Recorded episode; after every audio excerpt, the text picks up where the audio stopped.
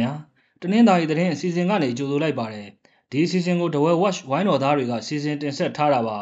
ဒီနေ့ဇန်နဝါရီလ19ရက်နေ့မှာဖြစ်ပေါ်ခဲ့တဲ့သတင်းအကြောင်းအရာတွေထဲကပထမဆုံးတင်ဆက်ပေးကြတာကတော့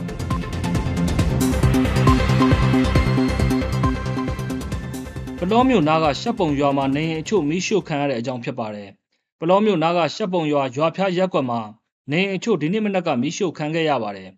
လက်ရှိမှာတော့နေရင်ဘယ်နှဆောင်မီးရှို့ခံရတယ်ဆိုတာကိုတော့မသိရသေးဘူးလို့ဒေသခံတွေကပြောပါတယ်ဇန်နဝါရီလ16ရက်နေ့ကရှက်ပုံရွာမှာပြည်သူ့ကာကွယ်ရေးတပ်နဲ့စစ်ကောင်စီတပ်တို့တိုက်ပွဲဖြစ်ပွားခဲ့ပါတယ်ဒီနောက်မှာတော့စစ်ကောင်စီတပ်တွေကရွာထဲမှာရှိနေပြီးရွာပြန်နီးတဝိုက်မှာပြည်သူ့ကာကွယ်ရေးတပ်တွေရှိနေတဲ့အတွက်တိုက်ပွဲထပ်ဖြစ်လာမှာကိုဒေသခံတွေကစိုးရိမ်ခဲ့ကြပါတယ်ဒီလိုအခြေအနေတွေကြောင့်ဒေသခံရွာသားအချို့မနေ့ကထွက်ပြေးတိတ်ရှောင်သွားကြပြီးအများစုကတော့ရွာထဲမှာပိတ်မိနေသေးဖြစ်တယ်လို့ဆိုပါတယ် ဒီနေ့မှာတော့တိုက်ပွဲဖြစ်ပွားတာမရှိပဲနေအိမ်တွေမိရှို့ခံလိုက်ရတာပါရှစ်ပုံရွာဟာပလောမျိုးနဲ့ကပ်နေပြီးအင်ဂျင်2000ကျော်ရှိတဲ့ရွာကြီးတရွာဖြစ်ပါတယ်နိုင်ငံသားတွေကိုကော်တောင်းနယ်စပ်ကနေပြည်နယ်တံပေးလိုက်ပါတယ်မြမရေပိုင်တဲ့အတွင်းငါးဝင်များတဲ့နိုင်ငံသား9ဦးကိုစစ်ကောင်စီကပြည်နယ်တံပေးလိုက်ပါတယ်ထိုင်းနိုင်ငံသား3ဦးဗြိတိန်နိုင်ငံသား3ဦးနဲ့ဆွစ်ဇာလန်နိုင်ငံသား2ဦးကိုဇန်နဝါရီလ18ရက်နေ့မှာပြည်နယ်တံပေးလိုက်တာပါ။ သူတို့ကိုကော့တောင်းနယ်စပ်ကတဆင့်ထိုင်းနိုင်ငံရနောင်းမြို့အာဏာပိုင်တွေစီလွှဲပြောင်းပေးလိုက်တယ်လို့ဆိုပါတယ်။အဲ့ဒီအပျော်ရမ်းငါးများလေကိုပြီးခဲ့တဲ့လဒီဇင်ဘာလ22ရက်နေ့မှာစစ်ကောင်စီရဲတပ်ကဖမ်းဆီးခဲ့တာပါ။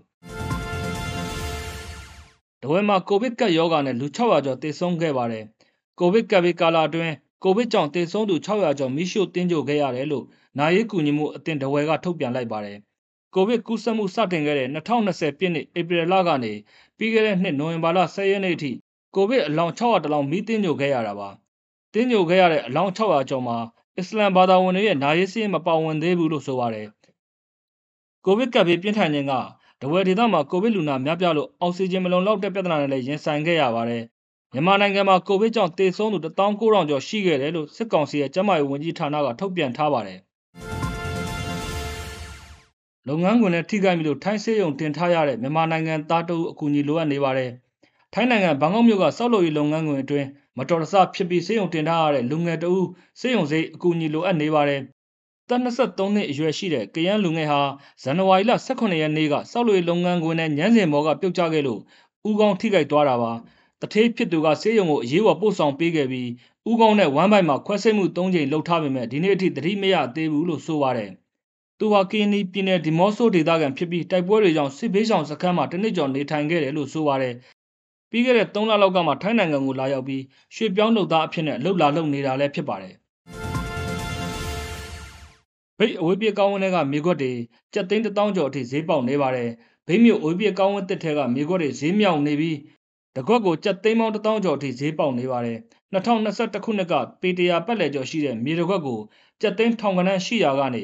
ပြီးခဲ့တဲ့နှစ်ကုန်ပိုင်းကစပြီးဒီလိုသိန်း1000ကျော်ဈေးခေါ်ရောင်းချနေတာပါ။ အဝေးပြေကောင်းဝန်းတဲ့စားတောက်ဆိုင်တွေတဲခိုခန်းတွေကားပြင်အလုပ်ရုံနဲ့ကုမ္ပဏီရုံးခန်းတွေစီကားလာလို့အခုလိုဈေးမြောက်လာတာလို့ဆိုပါတယ်ဝတ်သားဈေးဟာတရုတ်နှစ်ကူကာလမှာအမြင့်ဆုံးဈေးရောက်သွားမယ်ဆိုတဲ့အကြောင်းပြောပြသွားပါမယ်တရုတ်နှစ်တကူနဲ့မတိုင်ခင်ဇန်နဝါရီ20နဲ့21ရက်နေ့တွေမှာဝတ်သားဈေးတွေမြင့်တက်သွားမယ်လို့ဝတ်သားရောင်းသူတွေကပြောပါတယ်အဲ့ဒီနေ့တွေမှာတပိတ်တော်ကို19000ကျပ်နဲ့ဖောက်တယ်ဈေးပေးမယ်ဆိုပြီးဝတ်တိုင်တွေကအတိပေးထားတာလို့ဝတ်သားတယ်တွေကပြောပါတယ်။ လက်ရှိမှာတော့ဝက်သားတပိတ်သားကိုဖောက်တယ်သေး16000ကျပ်ဈေးနဲ့ဝယ်ရောင်းနေကြတာပါဝက်သားတယ်တွေကစားသုံးသူတွေကိုပြန်ရောင်းရမှာတော့တပိတ်သားကို18000ကျပ်ကနေ18000ကျပ်ကြားရောင်းချနေတာလည်းဖြစ်ပါတယ်နောက်ဆုံးတစ်ပုတ်အနေနဲ့အတက်ကြကျန်းတဲ့ရွှေစည်းအကြောင်းပြောပြသွားပါမယ်ရွှေစည်းကအခုရက်ပိုင်းအတွင်းအတက်ကြကျန်းနေပါတယ်ပြီးခဲ့တဲ့ရက်ပိုင်းက28သိန်း4000ထိတက်ခဲ့တဲ့အခောက်ရွှေဟာ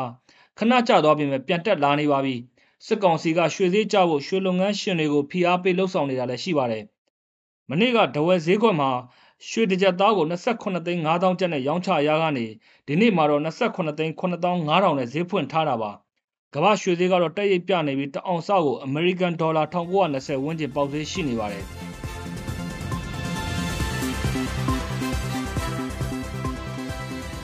ခုလိုနားဆင်ပေးတဲ့အတွက်ကျေးဇူးအထူးတင်ရှိပါတယ်မြန်မာနိုင်ငံသူနိုင်ငံသားများကပ်ဘေးအပေါင်းကအမြန်ဆုံးလွတ်မြောက်ပါစေလို့ The West ဝိုင်းတော်သားတွေကစုမုံကောင်းတောင်းအပ်ပါတယ်ခင်ဗျာ